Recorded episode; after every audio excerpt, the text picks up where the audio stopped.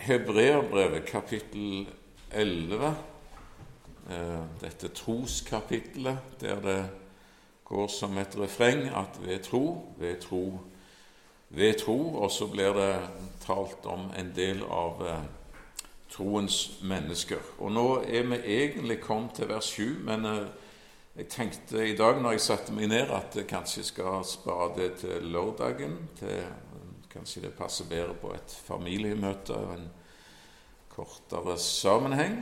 Eh, det får vi se. Vet ikke hvordan, eh, om det blir den teksten. Det kommer jeg òg i tvil om etter hvert. Men vi, iallfall så prøver vi i dag fra vers 8 å lese og hoppe over Noah, som det står om i vers 20. Og nå vil jeg gjerne minne om det òg, at uh, i går så talte vi om Enok som vandret med Gud, og at eh, så ble han borte, for Herren tok han til seg. Og den samme fine attesten, det ble jeg påminnet i går, og det var en fin påminnelse, at det står der òg om Noah. Noah vandret med Gud, står det i første Mosebok kapittel 6 og vers 9, er det vel. Så uh, flotte attest der.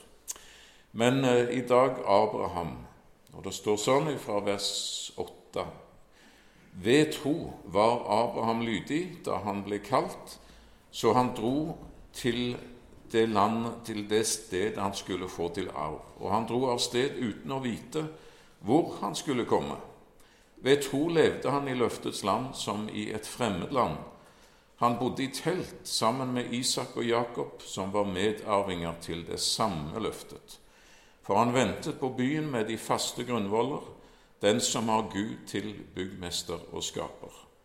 Ved tro fikk også Sara kraft til å bli mor for en ett, og det til tross for sin høye alder, for hun aktet ham trofast som hadde gitt løftet. Derfor kom det også fra en, og det fra en utlevd en slekt så tallrik som stjernene på himmelen, og som sanden ved havets bredd, som ikke kan telles. I tro døde alle disse, uten at de hadde oppnådd det som var lovt.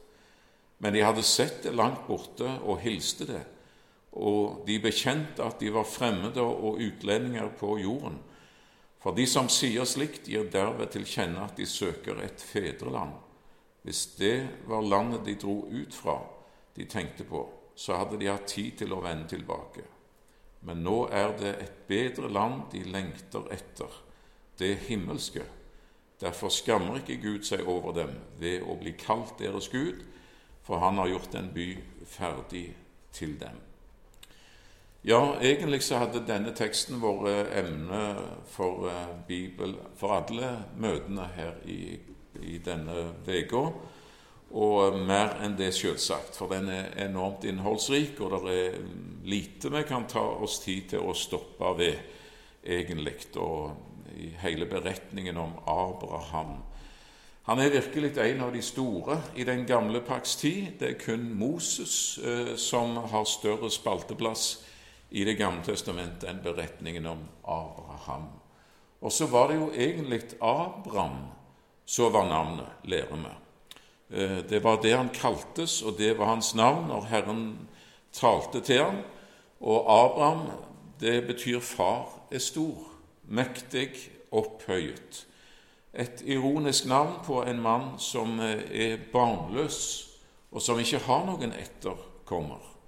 Eh, og når, når Herren hadde talt og bedt han å skifte navn til Abraham, mange folks far, så var jo det òg en ja, ved tro at han skifta navnet til det. Og han, De prøvde jo å hjelpe Gud å oppfylle dette løftet ved, via trellkvinnen til Sara, eller Sarai, som hun da hette, før hun òg fikk ordre om å skifte navn. Prøvde å hjelpe på menneskelig vis til å oppfylle dette løftet. Og, Ismael, som ble født, han kunne jo sagt det til Abraham at far er stor og mektig og opphøyet. Abraham. Men eh, det var altså ikke sånn Herren hadde tenkt det. Han eh, tenkte at Herren skulle bli mange folks far, som Abraham betyr. Vi kommer etter planen tilbake igjen til det. Men eh, beretningen den begynner jo i Sånn sett, første gang vi møter Abraham, det er i 1. Mosebok 12 og vers 27, der det fortelles at eh, han er sønn av Tara, og uh, har altså da dratt ut ifra Ur i Kaldea uh, og har en slags mellomstasjon der i, i denne plassen Harran, der de stopper opp Eh, og blir værende ei god stund eh, før han drar videre mot løfteslandet. Det er jo veldig interessant, eh, beretningen Ur i Kaldea. Det er vel sånn at de fleste mener ennå at det er Selv om det er forstår jeg, andre kandidater òg av byer til, som bærer noe av urnavnet i seg, og som kan passe til beskrivelsen, så de lærde de diskuterer òg om det som om alt annet, men en mener jo eh, og det har vært god eh, latin oppigjennom det, at en regner med denne urtidssivilisasjonen. Det var mange store, flotte byer i, i eh, Mesopotamia, som landskapet da heter. Mest i dag Irak, egentlig, hvis du skal se på kartet og plassere det. Landet mellom elvene, Eufrat og Tigris, eh, og ble i Bibelen regnet som eh, et, eh, ja, et veldig, veldig flott og Det var mye ørken, det var det, men det var også store, mye frukt, ja, elver og fruktbarhet og alt dette her.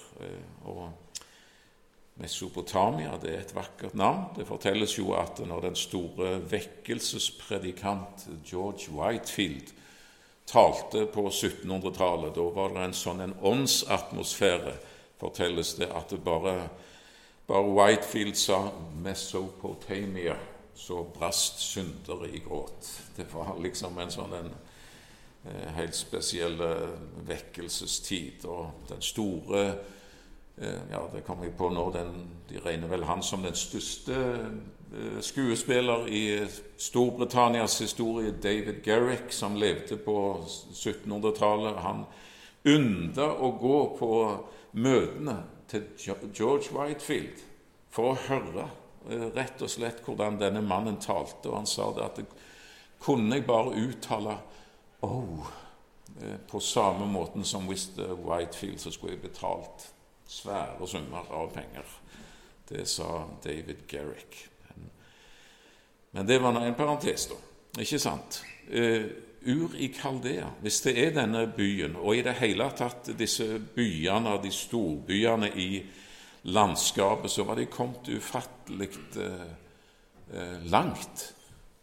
og det er utgravninger, og fremdeles graves det ut i dette området, og en er forbløffa over det en egentlig finner, og de graver fram ifra altså malerier som har den samme friske fargen. Det er som om det var egentlig lagd eh, nå, og så gir et bilde av livet som det var i denne fantastiske, store byen, som var den største og mektigste i det hele tatt på denne tid, og hadde, hadde alt. Svære palass, prektige tempelbygninger Skyskrapere blir de kalt òg. Det var fleretasjes hus, og det var varmt og kaldt vann, og det var, det var praktfulle gater som gikk gjennom, og, og, det graves ut og er funnet eh, musikkinstrumenter, kunst, kultur, eh, flotte smykker av gull og alt dette, og det taler om en en, eh, en sivilisasjon og en rikdom og velstand som var ganske så overveldende. Og her er det altså at eh, Abraham trår sine barnesko. Og Josva kapittel 24 og vers 2 de sier det at eh, Abraham eh, og patriarkene, eller i denne tid, de som var foran, de dyrket fremmede guder. Og vi ville nok gjerne bli ganske sjokkert, egentlig, om virkelig gravd i det hva disse guddommer og guder bestod i. Eh, Marduk, gudenes gud, den fremste av de alle sammen. Ishtar, hun har nå flere navn, men fruktbarhetsgudinnen, eh, og som representerte både fruktbarhet og eh, krig, faktisk, eh, vold oppi det hele, og samtidig en ekstrem dyrkelse av det seksuelle. Så tempelprostitusjon eh, hørte absolutt til til denne kulten. Og i de gamle kileskrifter som en har funnet fra denne sivilisasjonen, så er det funnet faktisk til sammen over 3000 navn på forskjellige guddommer. Så det var et enormt spekter av og, og mye av det var fryktelig bak den fine, siviliserte fasaden. Og her Dette er hans bakgrunn. Her er det eh, Og uansett om det var den byen eller der, så var jo så mye av det felles, egentlig. Så denne gudetroen var der. Og Abraham han var altså en avgudsdyrker og et barn av sin tid og sin tro og sin kultur. For et sjokk det må ha vært. Ja, Ishtar, et av hennes navn, er jo Astarte, da, som vi gjerne kjenner fra, eh, fra vår samtid og kongehus og alt dette her. Men eh, for et sjokk det må ha vært for eh, Abraham, mange folks far når det står i Første Mosebok 12, der beretningen står om ham. Første Mosebok 12 vers 1.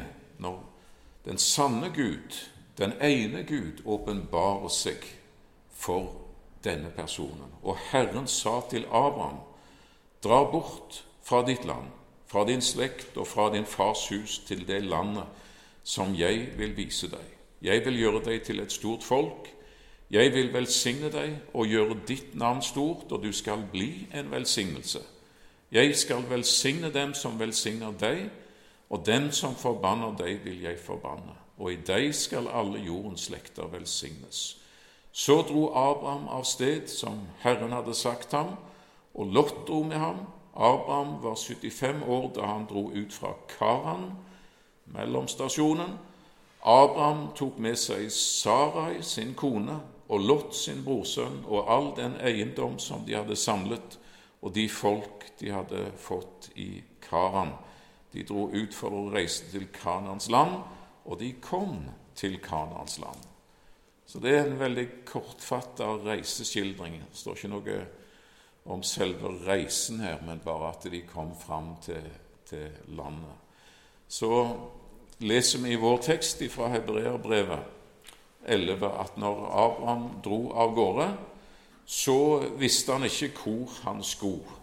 Så det er litt av et Altså ved, ved tro eh, brøt han opp, som vi leser, og dro av gårde, og ved tro så levde han i løftesland, og i tro døde alle disse.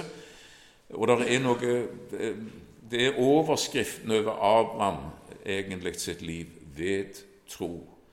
Og eh, ifølge apostlenes gjerninger, kapittel 7, og vers 1 og 2, så mottok Herren denne ordre allerede mens han var i, i Uri Kaldea.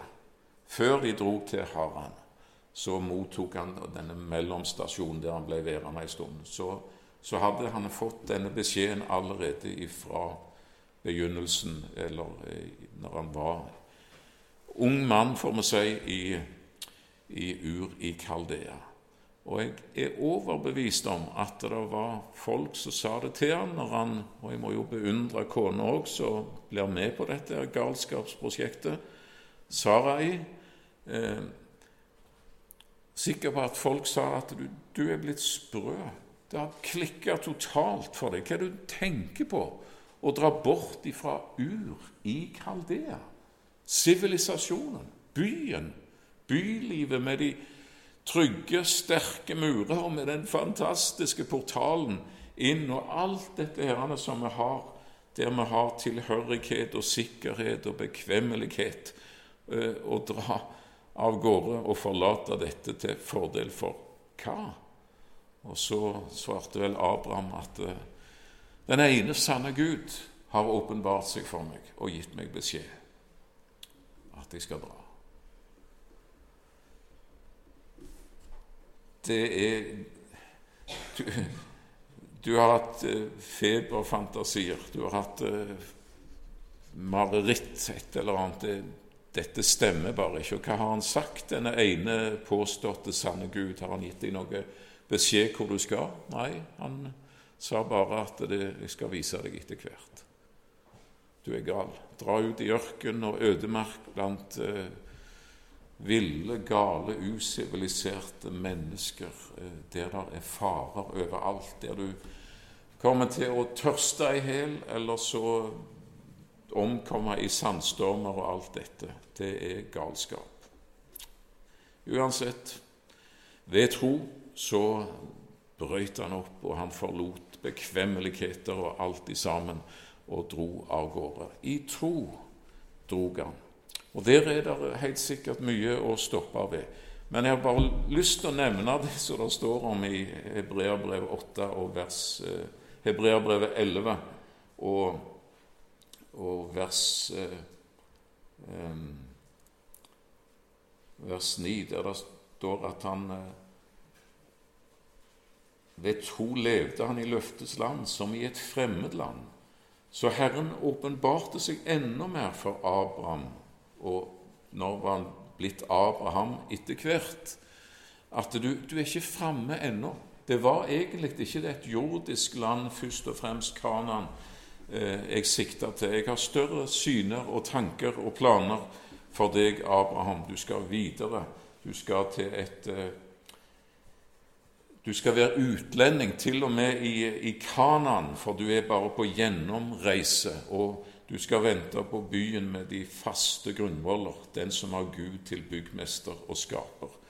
Og bare glem alt det du har sett i, i Uri Kaldea av eh, praktbygg og fine gull, eller fine gater som er, ligger der i, i, en helt egen glans. For Det fortelles det om disse gater at de hadde Jeg har større tanker. Du skal hjem til en plass der det er gater av gull, og der det er murer av jaspis og alt dette, og perleporter. Bare glem denne praktfulle porten inn til byen i, i dette skinnende blå eh, spesielle stein som lyste med alle sine gullforgylte eh, figurer og skikkelser på. Det er ingenting.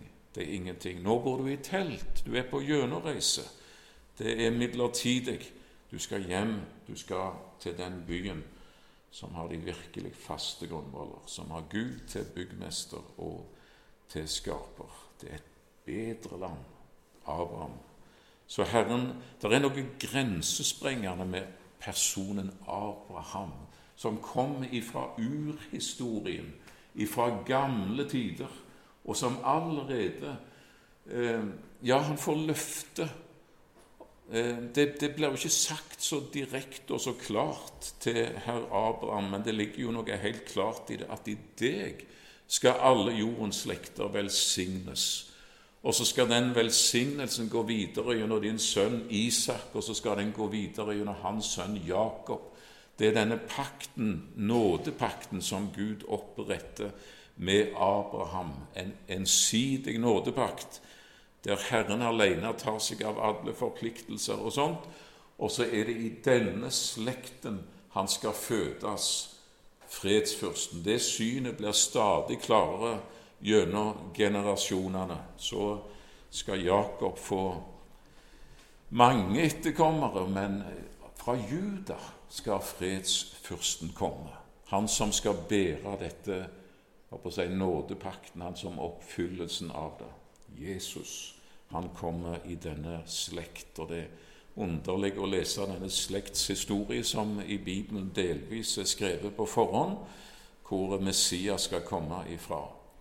Eh, og hva tilhørighet han skal ha. Vi pleier jo å skrive slektstavler sånn etter hvert eh, etter, eh, ikke sant? Det er jo sånn det nødvendigvis må være. Du begynner der du er, og så nøster du deg tilbake igjen. Bibelen snur alt på hodet og skriver slektshistorie til Messias på forhånd. Ikke alle ledd, men en del ledd som er der vi leser profetiene. Ja, store syner store og helt fram til det himmelske, altså peker dette på. Eh, og det var nok et syn og en åpenbaring som ble stadig klarere for Abraham, eh, der han forsto at jeg ikke, jeg er ikke framme ennå. Jeg er ikke hjemme ennå, selv om jeg kom til Kananslandet og har sett Herren oppfylle sitt ord og sine løfter. Jeg skal lenger. Jeg skal fram til et bedre land. Og, og han så dette landet, står det i vers 13. De hadde sett det langt borte. Det var kanskje ikke så klart for Abraham, dette løfteslandet, men han så liksom noe langt der borte, og han helste det velkommen. Der skal jeg. Hjem til den Gud som kalte meg og som dro meg vekk fra bekvemmelighetene og lot meg, lot meg bo i telt og oppleve eh, vandringen med Han i gode og onde dager og tider. Men jeg skal hjem eh, til Herren, og jeg søker et fedreland, vers 14, som ikke er av jordisk karakter, men av himmelsk. Sånn er det. Himmel allerede dette perspektivet i Abrahams sitt eh, liv. Og det er et flott perspektiv. Det er det hebreerbrevet 12 taler om å male framfor oss. Alle disse som levde og døde ved tro, i kapittel 11.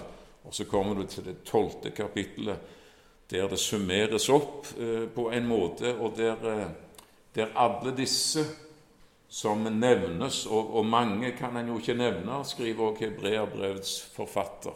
Ikke sant? Eh, han har nevnt en del navn, men, eh, men det er jo umulig å liste opp mer. Det er disse mennesker som har seira ved tro. Og hva er seieren? Seieren er at verden var dem ikke verd. Vers 38. De skulle lenger. De skulle høyere. Eh, hvor da? Og så har de fullendt løpet og bevart troen. Og hvor er de nå? Så bruker kapittel 12 og vers 1 et litt underlig eh, eh, sammenligning. For det du males liksom framfor oss stadion.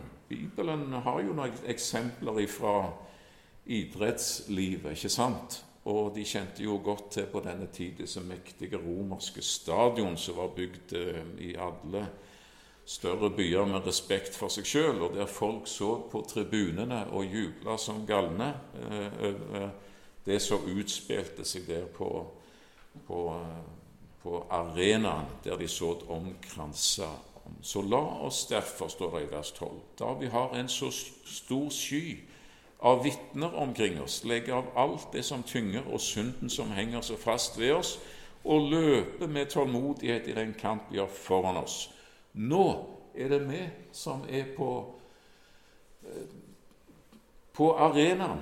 Nå er vi de aktive. De som nå har gått foran, de sitter på én måte. Det er jo et litt underlig eksempel på, på tribunene og utgjør liksom heiagjengen. De som har seira og er nådd fram og er opptatt av dette. Vi har seira, og vi er framme. Men nå er det noen av våre brødre og søstre som kjemper kampen. Og så er det en opptatthet av at eh, vi må nå fram. Og det er glede i himmelen over én synder som omvender seg. Ja, det er òg glede i himmelen over et menneske som fullender løpet, og som er hjemme. Og Jeg syns egentlig det har vært eh, ganske fint når du ser disse skijentene, f.eks. For eh, forskjellige etapper, stafetter, så har noen gått den uh, første og andre etappen, og kanskje den første etappen er fantastisk, og den andre er tyngre og sånt noe, men, men du merker jo det at når, når, de som har fullført sin etappe, de, de, går liksom ikke bare og glemmer å snu ryggen til å forlate stadion eller noe sånt noe. De står der og heier på de som nå er i kampen, og som kjemper kanskje med ja, melkesyre og alt de sammen og opplever at det er tungt og at det koster, så står de der og heier.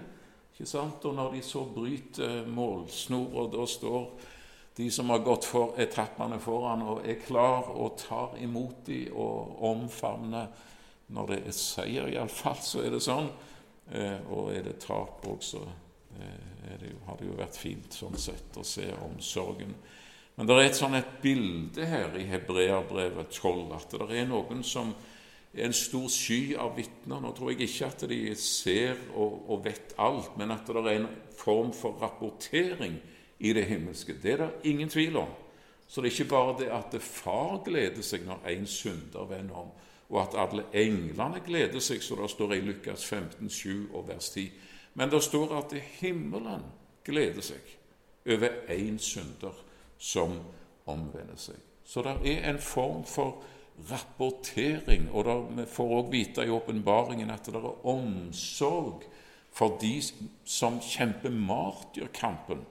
Det er noen som har Hvor lenge skal du vente, Herre, før du griper inn, før du utfrir? Våre brødre som nå er i kampen.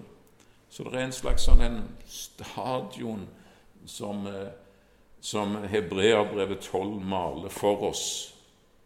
Det er noen som har gått foran. Nå utgjør de en del av den himmelske heiagjengen som eh, heier på oss som nå står i løpet. Og det er viktig for, for de at vi fullfører løpet. Vi skal ikke være opptatt sånn sett å feste blikket på de, for vi skal løpe med blikket festet på Jesus, står det i det neste verset. Men det er, et, eh, er et mål, og det visste allerede Abraham. Jeg er ikke hjemme ennå. Jo, jeg har fått et jordisk hjemland, men, men jeg skal lenger, og jeg ser det kanskje ikke så, ikke så, klart. Jeg ser det langt borte og diffust. Jeg har ikke, dessverre ikke en bibel som er fullendt, sånn så seinere slekter skal få. Men jeg, jeg hilser det velkommen, og jeg strekker meg imot det. For det er der jeg skal, og det er der jeg skal møte den Gud som har åpenbart seg for meg. Det er veldig flott. Så kan du lese i Hebreabrevet 12 og vers 4, vers 22 og vers 24 om, eh, om eh, innbyggerne i denne byen. Dere er kommet til Sionsborg til den levende Guds by, det himmelske Jerusalem. Hvem er innbyggere der? Til englenes myriader, står det. Og myriader, det er et gresk tallord. Det betyr titusener. Så, og I Åpenbaringen 5 og vers 11 der, vel, der står det om englene som står for Guds trone. Og der står det 10 000 ganger 10 000 og tusen ganger tusen står det om denne engelskaren. Og hvis det skal tas bokstavelig, så betyr det i alle fall at det er en guddommelig engleskare på 101 million engler. Dermed ikke sagt at alle er nevnt, men, men de skal du møte der hjemme i det himmelske Jerusalem. Abraham, glem Glem Uri Kaldea og alt det denne verden kunne by på verdens hovedstad og det fremste i kunst og kultur og musikk og alt. Det er ingenting. De innbyggere du skal møte der hjemme Englenes myriader. Kjenner bare navnet på to av dem. Eh, Gabriel og Guds spesialutsending og Mikael over engelen. Den fremste av Guds engler ser det ut for. Herren ville ikke at vi skulle være så veldig opptatt men av eh, at vi skulle spore av i engledyrkelse, som det står om. Men de har jo sitt navn, de andre òg. Og det kan godt være vi skal få vite underlige ting som er bare skjult for oss her på denne jord. Det vet jeg ikke, òg ifra englenes myriader. Så skal du møte menigheten av de førstefødte. Eh, ikke menigheten i flertall, men altså alt Guds folk til alle tider. Fra den gamle pakt, de som nevnes i Hebreabrevet 11 og gjennom alle tider. Brødre og søstre i fullkommenhet så skal du møte i alles, Han som er alles Gud, står der. Han som har uttalt frifinnelsesdommen. Den store, mektige, han som ingen kan håper jeg, protestere imot når han har avsagt dommen, som det står noe om i den sammenheng, og som er din far du skal se opp til ham, du skal stråle av glede, og ditt ansikt skal aldri rødme av skam. Og du skal møte Jesus, mellommannen, for en ny pakt. Uri Kaldea nothing. Ingenting. Og du er ikke hjemme ennå, Abraham. Du, du skal hjem. Altså, det er et himmelsk hjemland som venter, der du skal være. Eh, det står mye om Abraham, og det er kanskje det, For det er emnet egentlig for så mange bibeltimer, men denne teksten som vi leser fra Hebreabrevet 11, den, eh, den taler òg om Sara, hans hustru, i vers 11. Ved tro fikk også Sara kraft til å bli mor for en ett, til tross for sin høye alder, for hun aktet ham trofast som hadde gitt løftet. Derfor kom det også fra en, altså fra Abraham, og det fra en utlevd, en slekt så tallrik som stjernene på himmelen, og som sanden ved havets bredd, som ikke kan telles. Ja, det var jo både fra Sara og fra eh, Abraham og deres enhet. De to skal være ett kjøtt. Og det er fantastisk å lese denne beretningen og de store linjene som Skriften her eh, drar opp for oss. For det er en fantastisk uh, fin sammenheng. Kan ikke gå nøye inn på det, men det er denne nådepakten, og det er dette løftet om den kommende frelser som uh, Abrahams slekter bærer i seg, som er selve oppfyllelsen av denne nådepakt. Og eh, ved tro, ved tro skjedde alt dette. Og vi kan gjerne lese fra Romerbrevet kapittel 4, der eh, det står nærmere om, om dette. Ja Fra vers 1. Hva skal vi da si at vår far Abraham oppnår dette kjødet? Dersom Abraham blir rettferdiggjort på grunn av gjerninger, da har han jo noe å rose seg av. Men det har han ikke fra Gud. For hva sier Skriften? Abraham trodde Gud, og det ble tilregnet ham som rettferdighet. Den som har gjerninger, får ikke lønnen av nåde, men som noe han har fortjent. Når du går på arbeid og gjør din gjerning og og lønna daler ned i postkasse. Det gjør han jo ikke lenger, inn på konto. Men eh, da er det ikke nåde. Det er fortjeneste. Du har fortjent det. Ikke sant? Du har arbeid for det. Har Abraham eh, noe som han har fortjent? Den derimot som ikke har gjerninger, men tror på ham som rettferdiggjør, den ugudelige, det er ikke noe fint navn på Abraham som det snakkes om her, men han kalles rett og slett ugudelig. Og det er ikke bare han, men det er altså andre mennesker. Han får sin tro tilregnet som rettferdighet. Slik priser også David det mennesket salig som Gud tilregner rettferdighet, uten gjerninger. Salig er de som har fått sine overtredelser tilgitt og sine synder skjult. Salig er den mann som Herren ikke tilregner synd.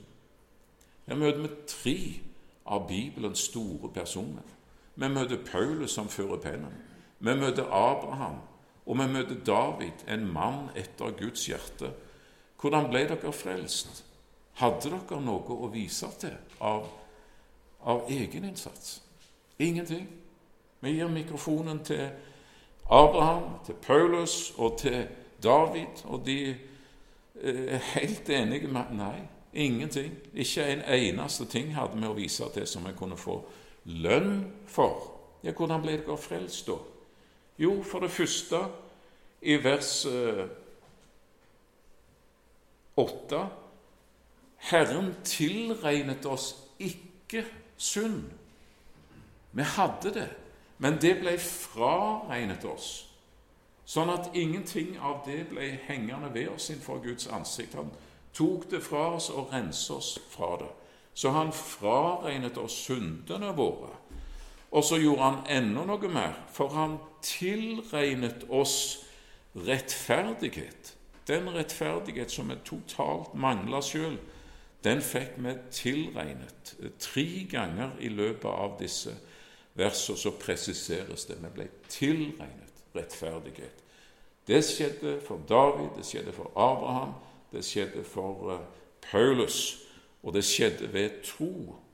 Og ved tro på hvem? Jo, ved tro på, på løftet, på Han som skulle komme, Frelseren, Jesus.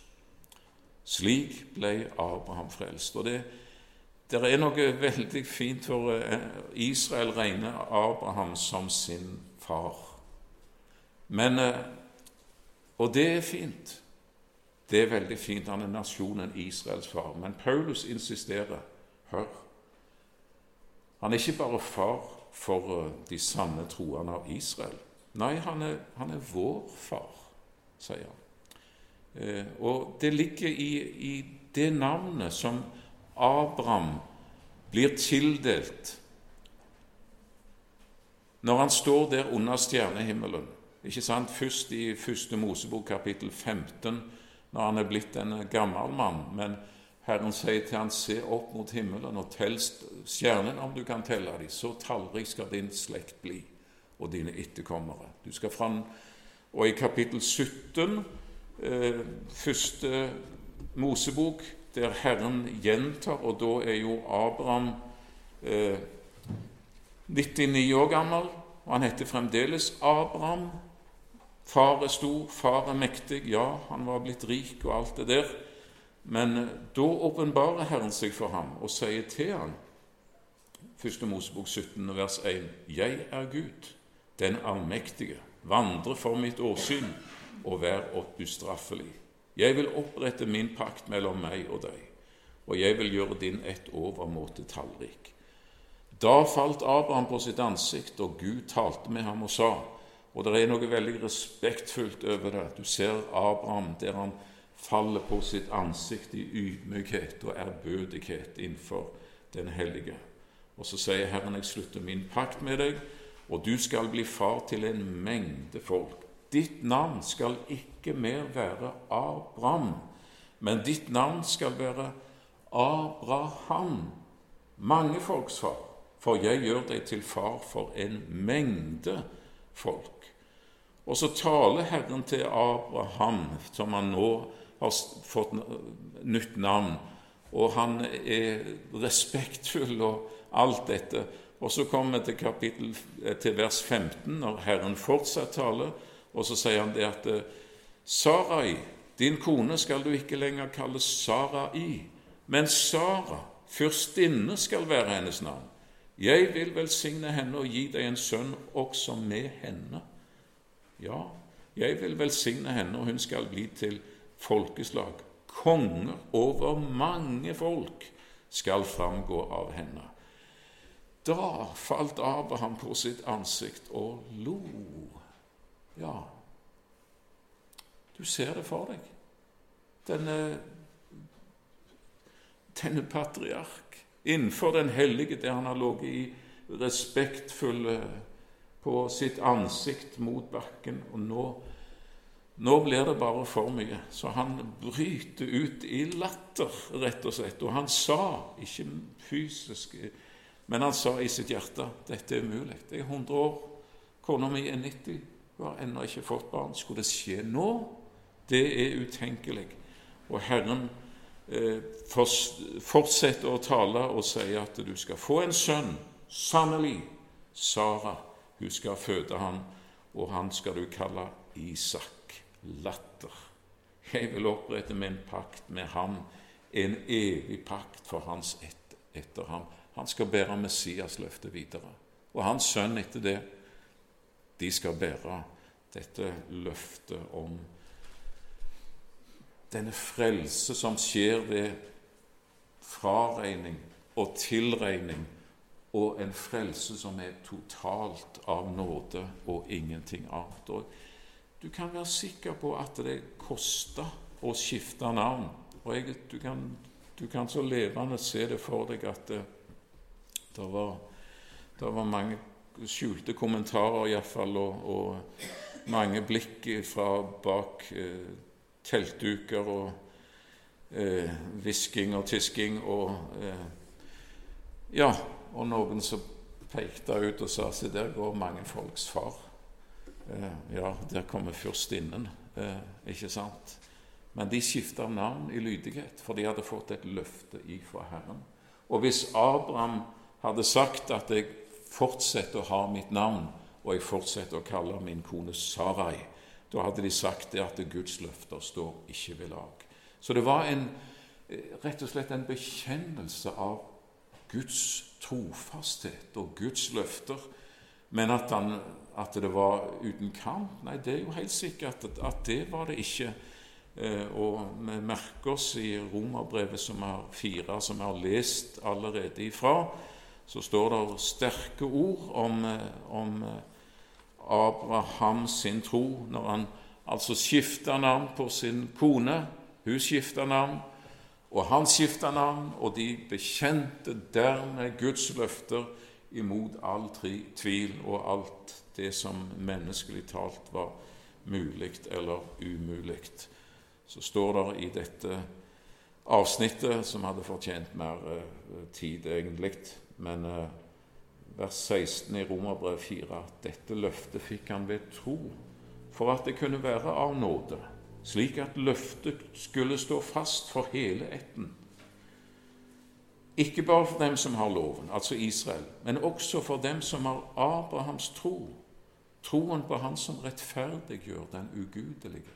Bekjennelsen av at eh, frelse, det er av nåde, og innenfor Gud så er jeg frelst uten egen innsats ved at jeg er blitt fraregnet mine synder som Abraham og David og Paulus og gjengen ble det, og tilregnet hans rettferdighet.